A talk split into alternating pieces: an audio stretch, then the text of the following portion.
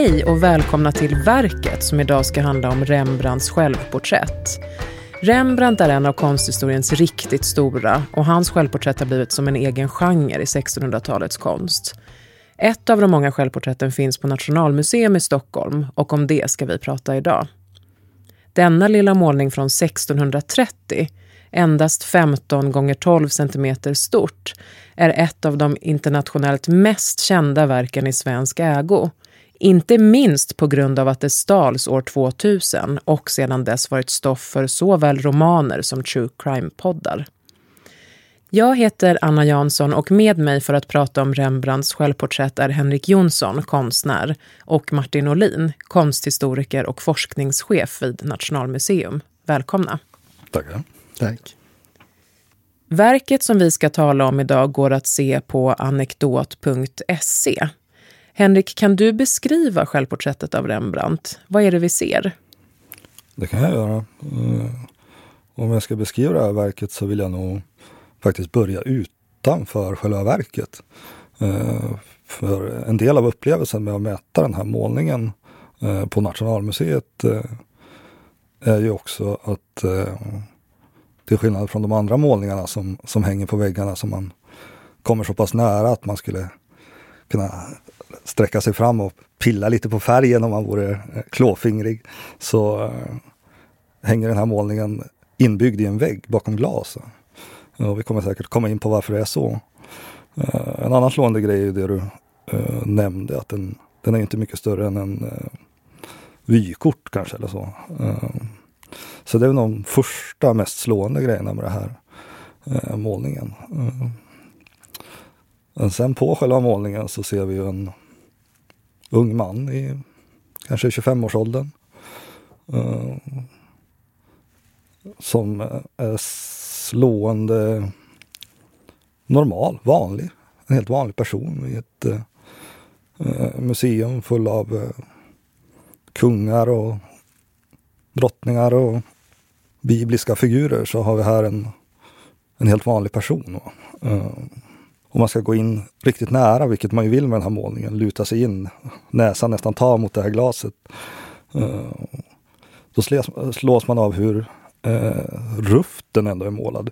Hur pastos färgen är. Det är ett eh, penselföring som jag snarare skulle förknippa med en mycket större målning. Så även om den är väldigt känsligt utsnidad så har den något ganska rationellt över sig i hur den är målad. Eh, man kan se hur Rembrandt med sin ganska typiskt eh, pastosa färg nästan har skulpterat fram ansiktet först va, i en undermålning. Eh, för att sen med fina lasyrer markera näsvingen eller mungipan med en, med en liten blå ton. Eller... Vad betyder pastos? Eh, pastos kallar man ju när man eh, målar med en eh, tjock färg med kropp. Va? Eh, på svenska har vi ett ganska otillräckligt begrepp som är färg. Eh, så vi måste alltid ta till kulör eller färgens kropp. På engelska har de ju liksom eh, paint som skiljer sig från color. Va? Att paint är ju den här substansen färg. Och det jobbar Rembrandt mycket med. Substansen färg, allt man kan göra med den. Man kan bygga penselfåror som kan göra riktningar som kan träffas av, av ljuset och eh, bilda former i målningen som egentligen inte finns där i kulör utan, utan bara i, eh, i färgens kropp. Eh, sen använder han sig av det här och förhöjer upp det med att lägga kanske en mörk lasyr som får lägga sig ner i, i eh, penselfårorna och med en lätt hand med en eh, målarduk eller en fingertopp torka av topparna på på de här penselfårorna och så få ett, eh, ett lyster i dem. Eh, så han har en väldigt eh, raffinerad teknik där han jobbar med alla färgens möjligheter. Kan du ge något konkret exempel på den här tekniken i, i just det här självporträttet? Ja, men här är det nog ganska tydligt att han, han har ju verkligen lagt krutet i själva ansiktet.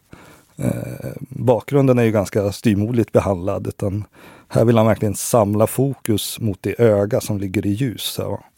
Eh, och det ser man med en liksom nästan cirkelrörelse av penseln runt runt ögat. Eh, och sen också hur han bildar hela ansiktet i en yttre cirkel och sen eh, halsen. Eh, och sen har han med en så kallad sgraffitoteknik när man bara tar kanske baksidan av penseln eller ett hårt vasst föremål och skrapar i färgen. Har han fått fram eh, kragen på skjortkragen. Eh, så det, det, är ett, eh, det är ett mästerstycke i användandet av pastost måleri och i som väldigt liten skala. Det här är ju någonting han använder sig väldigt mycket av. Men, men att göra det i den här skalan, att det känns liksom som en, nästan ett miniatyrmåleri. Men ändå med de här ganska stora och liksom eh, tuffa penslarna som han ser ut att ha använt. Det är speciellt. Martin, Rembrandt är ju en, får man nog säga, av konsthistoriens mest kända. Men kan du säga något om hans biografi? Vem var han? Rembrandt Harmensson van Rijn, han föddes i Leiden 1606. Eh, och Leiden är eh, en stad som ligger mellan, eh, mellan Haag och Amsterdam. Och hans pappa var mjölnare, hans mamma kom från en bagarfamilj. Och han hade eh, flera syskon som levde. Eh, och sattes i, han gick i skolan, det gjorde de flesta barnen i Holland. Och han gick också i latinskola. Så att han fick en, en ganska ordentlig skolutbildning. Och han skrevs också in vid universitetet. Leiden hade ett berömt universitet. Eh, men man är inte riktigt säker på att eh, att han faktiskt studerade någonting där, utan att det kanske var liksom en skatteteknisk sak. Eh, utan han eh, slutade, eller han så att säga, det man vet är att han eh, började gå i lära hos eh, en konstnär lokalt. Eh, som kanske inte var någon jätteframstående konstnär, men eh, så småningom så bytte han då och gick hos en, eh, en konstnär i eh, Amsterdam som heter Peter Lastman. Och sen kom han tillbaka till eh, Leiden och så bodde han i Leiden i sex år och sen flyttade han till Amsterdam. Och i Amsterdam var han mer eller mindre sen under resten av sitt liv. Och han eh, hade stora framgångar, stora inkomster, massvis med elever, stora utgifter, skulder, eh, trassel i familjen. Han hade två eh, kvinnliga livskamrater, en som han var gift med som eh, dog och en som han inte var gift med som också dog och barn som dog och sådär. Eh, och han hade framgångar och motgångar sådär så att säga. Och, men var en känd konstnär verkligen i sin samtid. Varför var han så känd i sin samtid? Han var känd för att han var bra faktiskt och att det fanns en, en, ett, ett intresse för hans konst. Och eh, han var efter, eftersökt. Både som så att säga att man sökte efter hans verk men också att man sökte sig till honom som lärare. Och sen, men sen var det, fanns det kritiker också, både under hans samtid och så att säga senare. Men de kan alltid, det kan alltid vägas upp med att det fanns väldigt många fler berömmande röster. Sen kan man säga att det finns, har redan, redan tidigt så blev det en slags myt kring Rembrandt som konstnärsgeniet. Och eh, den har varit otroligt aktiv och han blev liksom en hjälte under romantiken på 1800-talet. Och eh, det, är lite, det, är svårt att få, det är svårt att få syn på det man vet med säkerhet för att det är så det är så otroligt mycket kring den här så att säga eh, myten om den, eh, det, det, ensamma geniet som är missförstått och som det går dåligt för. Eh, men som framhärdar i sin geniala konst så att säga. Eh, som, som man, forskarna lite försöker bena ut så att säga vad som egentligen, vad det finns belägg för och vad som är mer som en slags eh, ja, eh, uppfattning. Men är det så att Rembrandts teknik och konstnärskap skiljer sig från andras i samtiden? Var han speciell på något sätt? Alltså, Rembrandt kunde arbeta i alla stilar eh, som fanns vid, i, i, den här tiden så att säga i Holland.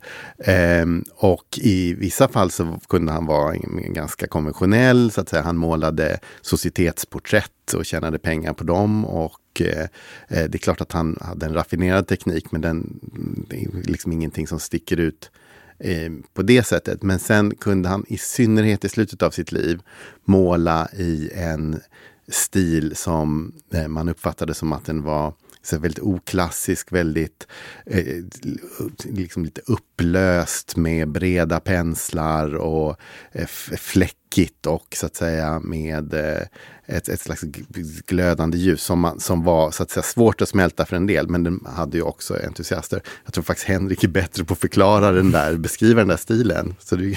Vill du göra det Henrik?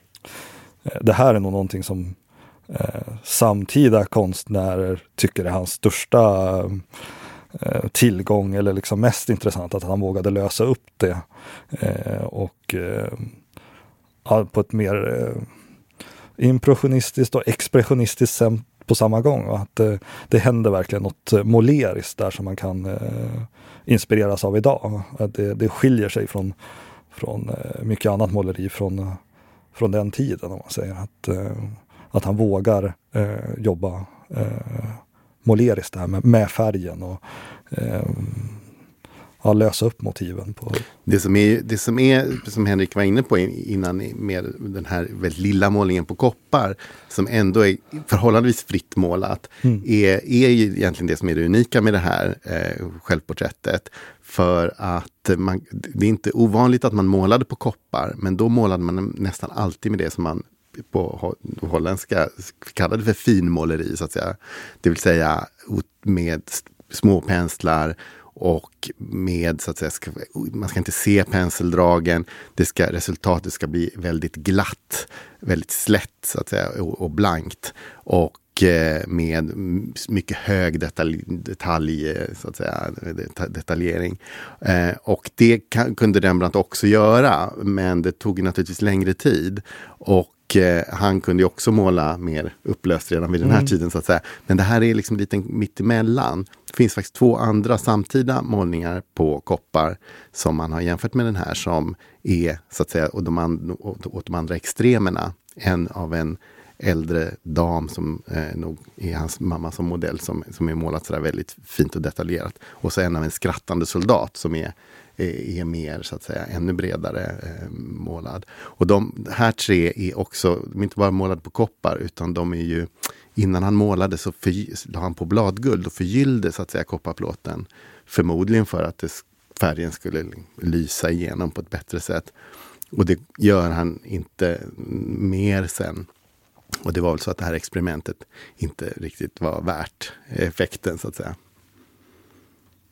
Henrik, i ditt eh, konstnärskap så har du eh, återskapat Rembrandts olika självporträtt som skulpturer. Mm. Varför, varför det? Var kommer fascinationen för, för Rembrandts självporträtt ifrån? Ja, det kommer från ganska tidigt. Jag, som många andra som började med konst, började ju egentligen med att måla.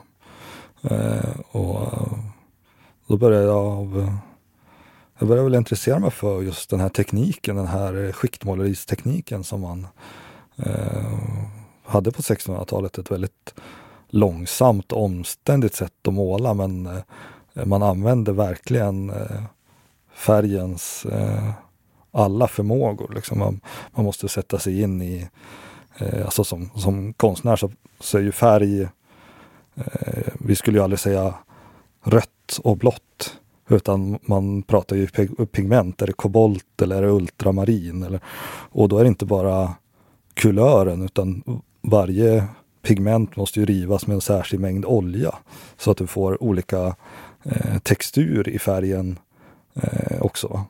Eh, så all den här kunskapen måste man liksom inhämta för att bemästra eh, skiktmåleriets eh, olika eh, utmaningar. Liksom. Man måste också gå om från från en mager kanske temperagrund för att man ska ha en mager grundmålning som man sen eh, lägger de här olika skikten på. Då. Eh, så det intresserade jag mig för och då var ju Rembrandt mästaren av det här. Va? Eh, och sen kom det som, som, så att jag köpte en loppisbok, en sån riktigt gammal med någon så här rotorgravyrtryck, svartvita. Och då var första kapitlet, Rembrandts självporträtt. Och så var de i kronologisk ordning efter vad de trodde då, misstänker jag. Eh, och jag kunde inte tolka det här på något annat sätt än att det var ett, ett konstprojekt. Det, var, det här var precis när jag hade börjat konstskola själv. Liksom, att det här var liksom en konceptuell tanke. Han har målat hela sitt liv, år för år, liksom Alltså jag varit jättefascinerad över det här liksom ansiktet som man fick följa, både hans konstnärliga bana och hela hans liksom eh, liv, hur han åldras och uh, så det var verkligen ett, liksom, jag fastnade för det som ett, som ett gemensamt konstverk och har nog alltid sedan dess egentligen betraktat Rembrandts självporträttserie som ett, ett verk. Sen om det är det och ska ses så, det bryr jag mig inte om. Utan jag väljer att se mig så, för det blir väldigt intressant. Alltså. Men hur många självporträtt finns det? Eh, I den boken som jag hade då så ja. fanns det ju eh, 63 porträtt. Han var ju 63 år gammal, så jag tänkte väl att det fanns någonting där också. Det tror jag inte det finns längre. För att eh, de anses nog inte alla vara äkta längre. Eh, men eh, det finns nog, kanske inte hundratal, men om man räknar in ja, etsningar och teckningar så är det nog... Ja, uppåt. om det är uppåt 70 i alla fall. Ja. Då, då, och målningar så är det väl runt 40 och det har väl varit 60 och så ja, har det ja. nästan varit 30 och så har det kommit... Ja, det, det, är som du säger, det, det är en del i historien. Att, mm, mm. Och det är en stor, stor sån diskussion kring vad, vad är så att säga eh, motivet bakom. Vad är anledningen att han, att han målar så många självporträtt? Han målar ju många fler självporträtt än någon annan konstnär från 1600-talet och 1700-talet också tror jag. Eh, och eh, eh, dessutom så gör han mång, massvis med etsningar då och teckningar av sig själv. Eh, och är, mm, om man, då är det så att det har funnits en, en, en gammal eller så att säga under romantiken då som vi sa, där han var ett, ett, stort namn, så såg man det här verkligen som att det här är en, en konstnär som verkligen så att säga ställer sig framför spegeln och skådar in i sitt eget inre och ser sin individualitet och tolkar den. så att mm. säga. Och att, som du säger, då, att det är ett, ett projekt, ett, någonting mm. som han gör så att säga som programmatiskt. Um, och det där var ju länge en slags eh, bild och den levde kvar under 1900-talet också. Och med psykoanalysen och sådär så var det här liksom stort. Och också tilltalade en slags modernistisk mm. konstsyn då med det liksom essentiella eh, i, i, i, i, konsten som liksom uttrycks. Men, men Sen har det då kommit en reaktion på det här, så i slutet av 1900-talet så började, blev det mer som att man sa att nej, det här, det är inte, så här var det inte alls, utan man, det var, han var Eh, det, det, det, fanns, det där är anakronistiskt, så där tänkte man inte på 1600-talet. Eh, utan, utan det här, de är målade av någon annan anledning. Riktigt sen vad den här anledningen är, är lite svårt att svara på. Eh, utan, men en, en förklaring är eh, att de, eh, de faktiskt eh, sålde att det här var någonting, det här blev som, som Anna sa i inledningen, att det blev som en egen genre. Att de konstintresserade började förknippa Rembrandts konst med hans ansikte och att man ville äga ett, ett självporträtt av Rembrandt. Så det fanns liksom en marknad. Han hade inte kvar så många av de här. Det fanns ju i hans bouppteckning så hittar man dem inte så att säga med kanske något undantag. Utan de här hade en, en marknad och han var intresserad av pengar. Eh, men sen så titta, jag hade tittat lite olika böcker och så tog jag, fanns det en slags lite mer populärvetenskaplig bok som jag tänkte lite så här, det här kommer väl inte komma med någon bra förklaring. Men han hade faktiskt, en, han heter Roger Houston som har skrivit den här och hade en, jag tyckte en väldigt bra formulering där han sa så här att det var kanske inte så att de här gjordes som ett stort projekt för att skildra en individ och hans uh, utveckling uh, och, och åldrande. Men det blev kanske så i alla fall. Ja. Ungefär som, skriver den här författaren då, som när, om man skriver en massa dagboksanteckningar. Då man, man tycker att man skriver det precis som det, som det är. Men när man går tillbaka och läser de här sen så blir det liksom en bild av en, en, en, en, tid och man avslöjar mer och man avslöjar någonting annat än det man hade tänkt då i de här, eh, det, som man, det som man har skrivit. Mm. Så att, jag tycker det är ett ganska bra sätt att se ja, det från båda Där kan jag knyta an till mitt eget projekt där jag återskapar hans eh, självporträtt i skulptur. För det, det var heller inget uttänkt projekt från början. Utan det började som en övning som vart mer och mer intressant. Fortsatte liksom genom åren och så till slut så var det helt plötsligt ett, ett konstverk. Liksom. Så att, eh, det är ju så, konstverk hängs ju inte ut liksom, och sen börjar man. Utan man börjar och sen tänker man ut dem. Det är nog den vanliga mm. eh, vägen. Sen kan jag ju säga just den här idén om eh, den här konstnären som sitter och tittar in i spegeln och eh, reflekterar över sitt inre som man kanske vänder sig lite mot då, eh, på 1900-talet. Att eh, som konstnär själv, en spegel är en spegel. Att sitta och titta i en spegel, göra en oljemålning, det tar några månader. Man börjar fundera, vem är jag? Vem tittar jag på?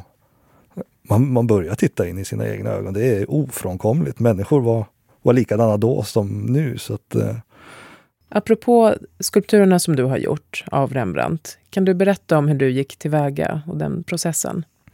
Ja, det är ju ett projekt som har hållit på i över tio år nu. Jag började när jag var, var 19 och precis började på, på konstskola lite som jag sa nästan som en, som en övning. Att det var, jag hade målat kopior av, direkta kopior av, av Rembrandt och sen provade att föra över det till, till skulptur och, och hittade något väldigt intressant i just att, att vara en översättare. Eh, lite det här med att man måste summera, förstå essensen. Vad, vad är det viktiga i den här målningen? Vad skiljer den från de andra? Eh, I temperament eller i... Ja, vad, vad ser jag att det skulle vara för avsikt med att göra just den här? Eh, nej, men det som, man får ju verkligen eh, följa en person genom, genom hans eh, liv liksom och eh, det som jag tycker är speciellt med hans målningar mot kanske flera andra samtida, om man tänker Frans Hals eller någon sån där flyhänt målare som verkligen fångar ett, ett ögonblick sådär. Eller Vermeer som, som en kamera fryser en scen. Så tycker jag att Rembrandts liksom målningar, de pågår. Det känns som att man tittar på dem under hela den tiden de tog att måla. Det, det känns inte som ett fryst ögonblick utan det är liksom bara en stilla... Det känns som att sitta, sitta i spegeln och titta på uh, någon som sitter och målar. Eh, så det tycker jag är ganska speciellt att han liksom fångar, fångar en längre tid i sin målning än, än många andra. Eh, jag kan inte svara för vad han gör um, finns det andra konstnärer i konsthistorien som refererar till Rembrandts självporträtt? Har det blivit liksom som en ikon för andra konstnärer också? Det, det, blev det ganska snabbt faktiskt. Och det här med baretten då, som ju är en slags mjuk mössa som en slags för, för liksom storbasker ungefär. Eh, var ju inte en, det var inte ett, ett, Eh, en huvudbonad som man hade 1630 utan det var omodernt då. Och eh, Rembrandt började så att säga ha, han hade, det här, just det här porträttet så har han ju också så att säga den här skjortkragen som, som vi pratade om med det här lite ryschet som blir av att han har dragit upp. Det är också en historisk 1500-tals eh, dräktdetalj. Så att han, den, det finns liksom ett historiskt anslag. Men när baretten då slog igenom direkt. Så det var flera andra konstnärer, då, Sherita och andra, som också målade sig själv i en sån här eh, mössa. Då, att det blev redan på 1600-talet ett slags konstnärssymbol. Och på 1700-talet fanns en engelsk mm, porträttmålare och konstnär som hette Joshua Reynolds. Som målar flera porträtt som är väldigt Eh, tydligt så att säga eh, ansluter till Rembrandts självporträtt. Och han har alltid en sån här stor eh, barett på sig också då i dem. Men han utvecklar det lite grann och det är inte så rena kopior eller man ska säga. Men han, han tolkar om dem. Och sen finns det ju många andra också senare. Men hade Rembrandt i sin tur inspirerats av någon tidigare konstnär? Ja, eh, absolut. Och när det gäller just självporträtten så brukar man ta upp ehm, eh, kopparstick från 1500-talet. Det fanns en samling kopparstick med nederländska konstnärer. Så porträtt av dem och de kunde vara ofta då döda, så att säga. Att det var ett slags eh, porträttgalleri eh, där de har renässanskläder och att man tror att det är en, en inspiration för honom att måla sig själv i renässanskläder kommer från eh, den här sviten kopparstick. Och där kunde han också ta liksom direkt detaljerna och föra över dem till, till eh, eh sina bilder.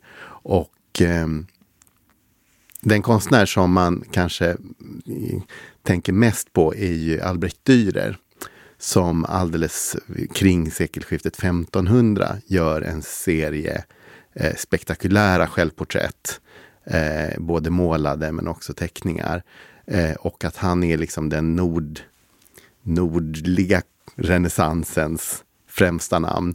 Och var nog för Rembrandt så att säga en slags ja, en liksom viktig konstnär. Eh, sen kan man, har man diskuterat lite, har, har Rembrandt kunnat se de här bilderna? Då, verkligen känner, har, han, har man fått liksom spekulerar i att de här, den här passerade nog Amsterdam och kanske fanns i något sale room här som man kunde ha sett den.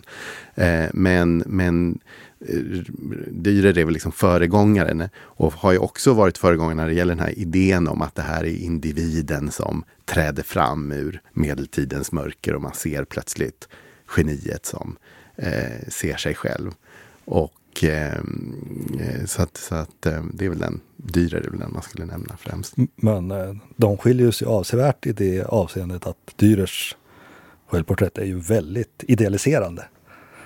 Han är ju i många av dem väldigt vacker och uppklädd. Och, men han kanske var snygg. Ja. Men, men han är också väl, han, men, han är upp, men han är upp, utklädd också ja, på något sätt. Man förstår väldigt att han, poserande. Liksom. Ja, och, men det är lite som Rembrandt, man förstår att det här är liksom inte hans vanliga kläder. Utan mm. han ha, kan ha någon otroligt elegant pälskappa eller någon slags modedräkt. Och, mm. och man förstår ju att Rembrandt inte gick runt i renässanskläder hela dagarna, även om han kanske hade lite i ateljén till till sina modeller. Men man har faktiskt, när man tittar i hans bouppteckning, så man hittar inte, det är inte så att man kan veta helt säkert att Rembrandt hade eh, gamla kläder som han använde.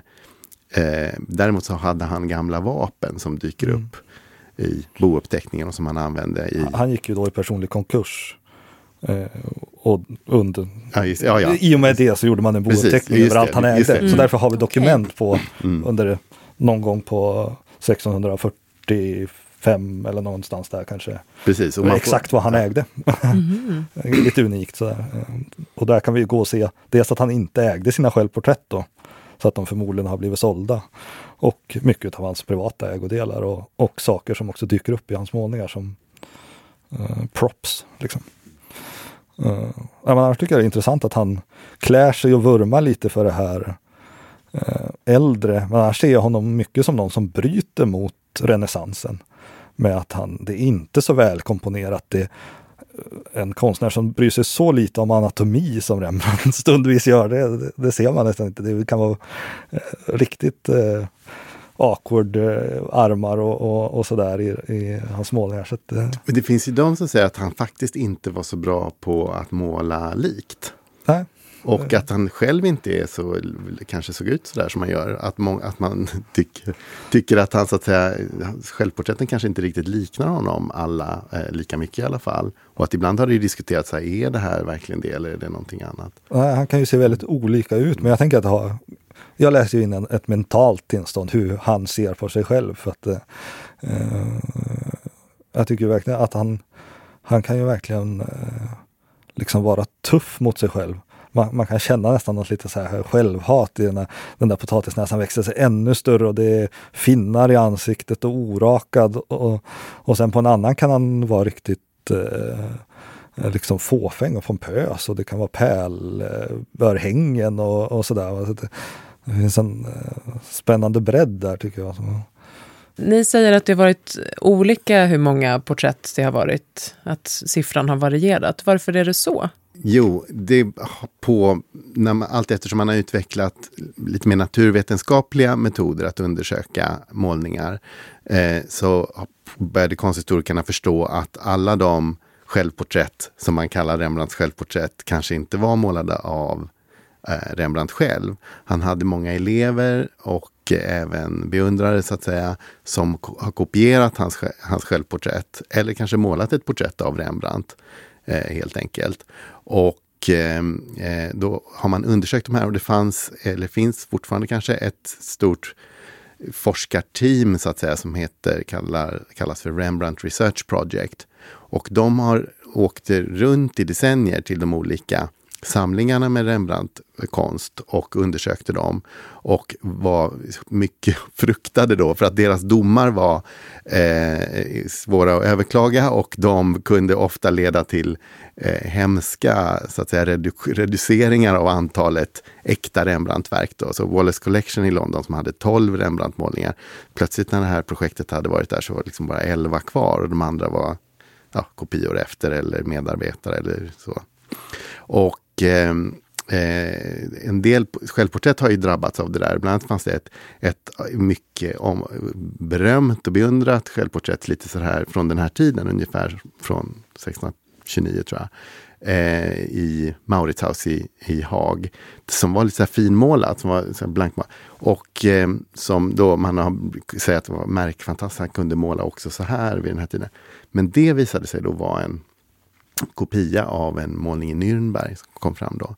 Och de tyckte, den här Rembrandt Research Project tyckte inte att Nationalmuseums målning heller riktigt säkert var av Rembrandt. Det var lite, Varför det? Ja, för att den var målad på koppar och det här med guld och det, var, det fanns inga andra exempel på det och sådär då. Men eh, ändå Sveriges eh, främsta Rembrandt forskare, Rembrandt-kännare, Görel Cavalli Björkman som jobbade på museet då. Hon ordnade då en, en utställning där hon tog, eh, lånade in de andra två målningarna på koppar och de ställdes ut tillsammans och så kom det här projektet och hälsade på igen. Och då kunde hon övertala dem att, att, så att säga uppgradera Nationalmuseums eh, självporträtt till en, en, ett, liksom ett, ett riktigt självporträtt av Rembrandt igen. Men, eh, men det här, de hade, har, och i många fall har man också varit liksom lite skakad av deras resultat. För det har varit liksom ikoniska målningar som har nedgraderats då. Och ibland så har, så har man har det varit lite olika strategier. Hur ska man göra? Vad ska man skriva på skyltarna? Och Nationalmuseum har fått tillbaka en annan målning också faktiskt. Eh, som, ja, som nu ses som ett äkta verk av Rembrandt igen, men som var under flera decennier så att säga eh, kopia. Eh, den här målningen eh, blev ju stulen en gång i den så kallade kuppen mot Nationalmuseum. Martin, kan du kort berätta om det? Det var en fredag eftermiddag eh, två dagar före jul, år 2000, som vi bara några minuter före stängningsdags så tog sig eh, en grupp beväpnade män som maskerade sig då in och eh, hotade väktare och besökare och knipsade av de vajrar som tre målningar hängde i. Två målningar av eh, Renoir och Rembrandts självporträtt. Och så försvann de snabbt ner för trappan och ut i mörkret och hoppade i en båt som försvann ut eh, i vattnet och tog sig, fick man veta senare, in genom Hammarbykanalen. Och sen slutade spåren eh, där.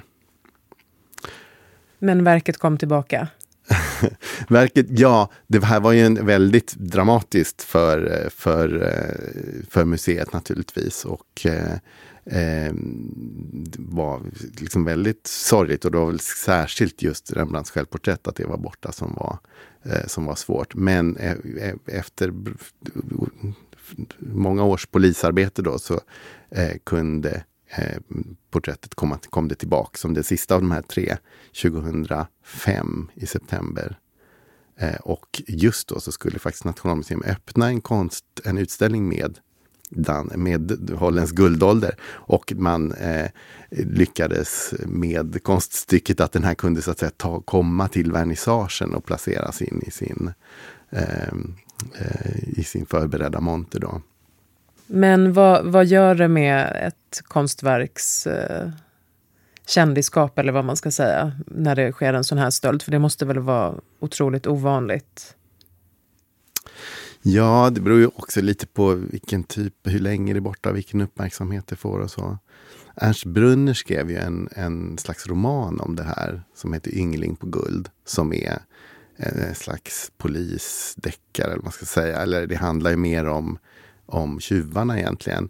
Eh, och, men det finns några avsnitt som utspelar sig på 1600-talet då han försöker så att säga göra roman av hur porträttet kommer till. Eh, som är inte så trovärdiga tycker jag då. Eh, och då tänkte man att ja, men den här kommer att leva. Men den boken är väl ganska bortglömd. Jag tror faktiskt också att brottet är bortglömt till stor del.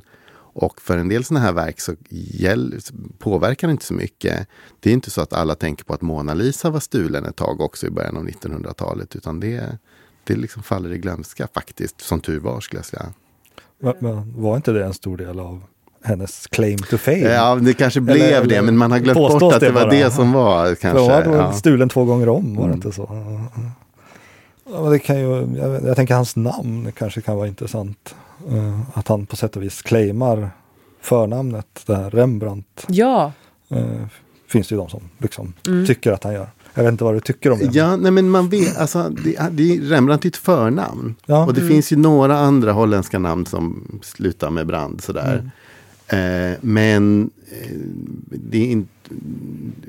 Och man vet, han började signera, det är väl därför man, mm. han signerade med sitt förnamn bara. Mm. Och det gjorde han inte riktigt när han målade det här porträttet, utan då står det, man, signaturen är delvis borta, men då mm. signerade han RHL. Och det skulle vara då Rembrandt Harmensson Leidensis, alltså från, mm. från Leiden. Eh, men sen började han skriva bara Rembrandt. Och inte, han har inte sagt det själv, men man tror som du antyder då att det här är för att han tycker att han är, så, han är lika bra som Rafael och mm. Michelangelo. Att han liksom och Tizia, som också använder sina förnamn. Ja. Och att han är en av för det, här är, det har ju blivit lite en grej det här med att vara så känd att man är känd på sitt, sitt förnamn. Jag vet att eh, National Gallery pratade aktivt om det här med Artemisia Gentileschi, mm. att de kallade mm. utställningen Artemisia. De vill liksom mm. lansera henne som en av de här mm. eh, som man ska känna till på bara förnamnet, liksom Michelangelo, Rembrandt och, och vissa då, i alla fall lite så här populärvetenskapligt eh, antyder ju att, att eh, Rembrandt liksom med lite så här Zlatan självförtroende går in och mm. signerar Rembrandt och, och likställer sig med de här Rafael och Michelangelo. Tack Henrik Jonsson och Martin Olin för att ni var med och pratade om Rembrandts självporträtt. Tack så mycket. Tack. Och tack till alla er som har lyssnat. Vi hörs snart igen. Du har lyssnat på Verket, en podd om klassiker. Producerad av bildningsmagasinet Anekdot i samarbete med Nationalmuseum och Litteraturbanken. Alla avsnitt samt fler poddar, filmer och essäer hittar du på anekdot.se.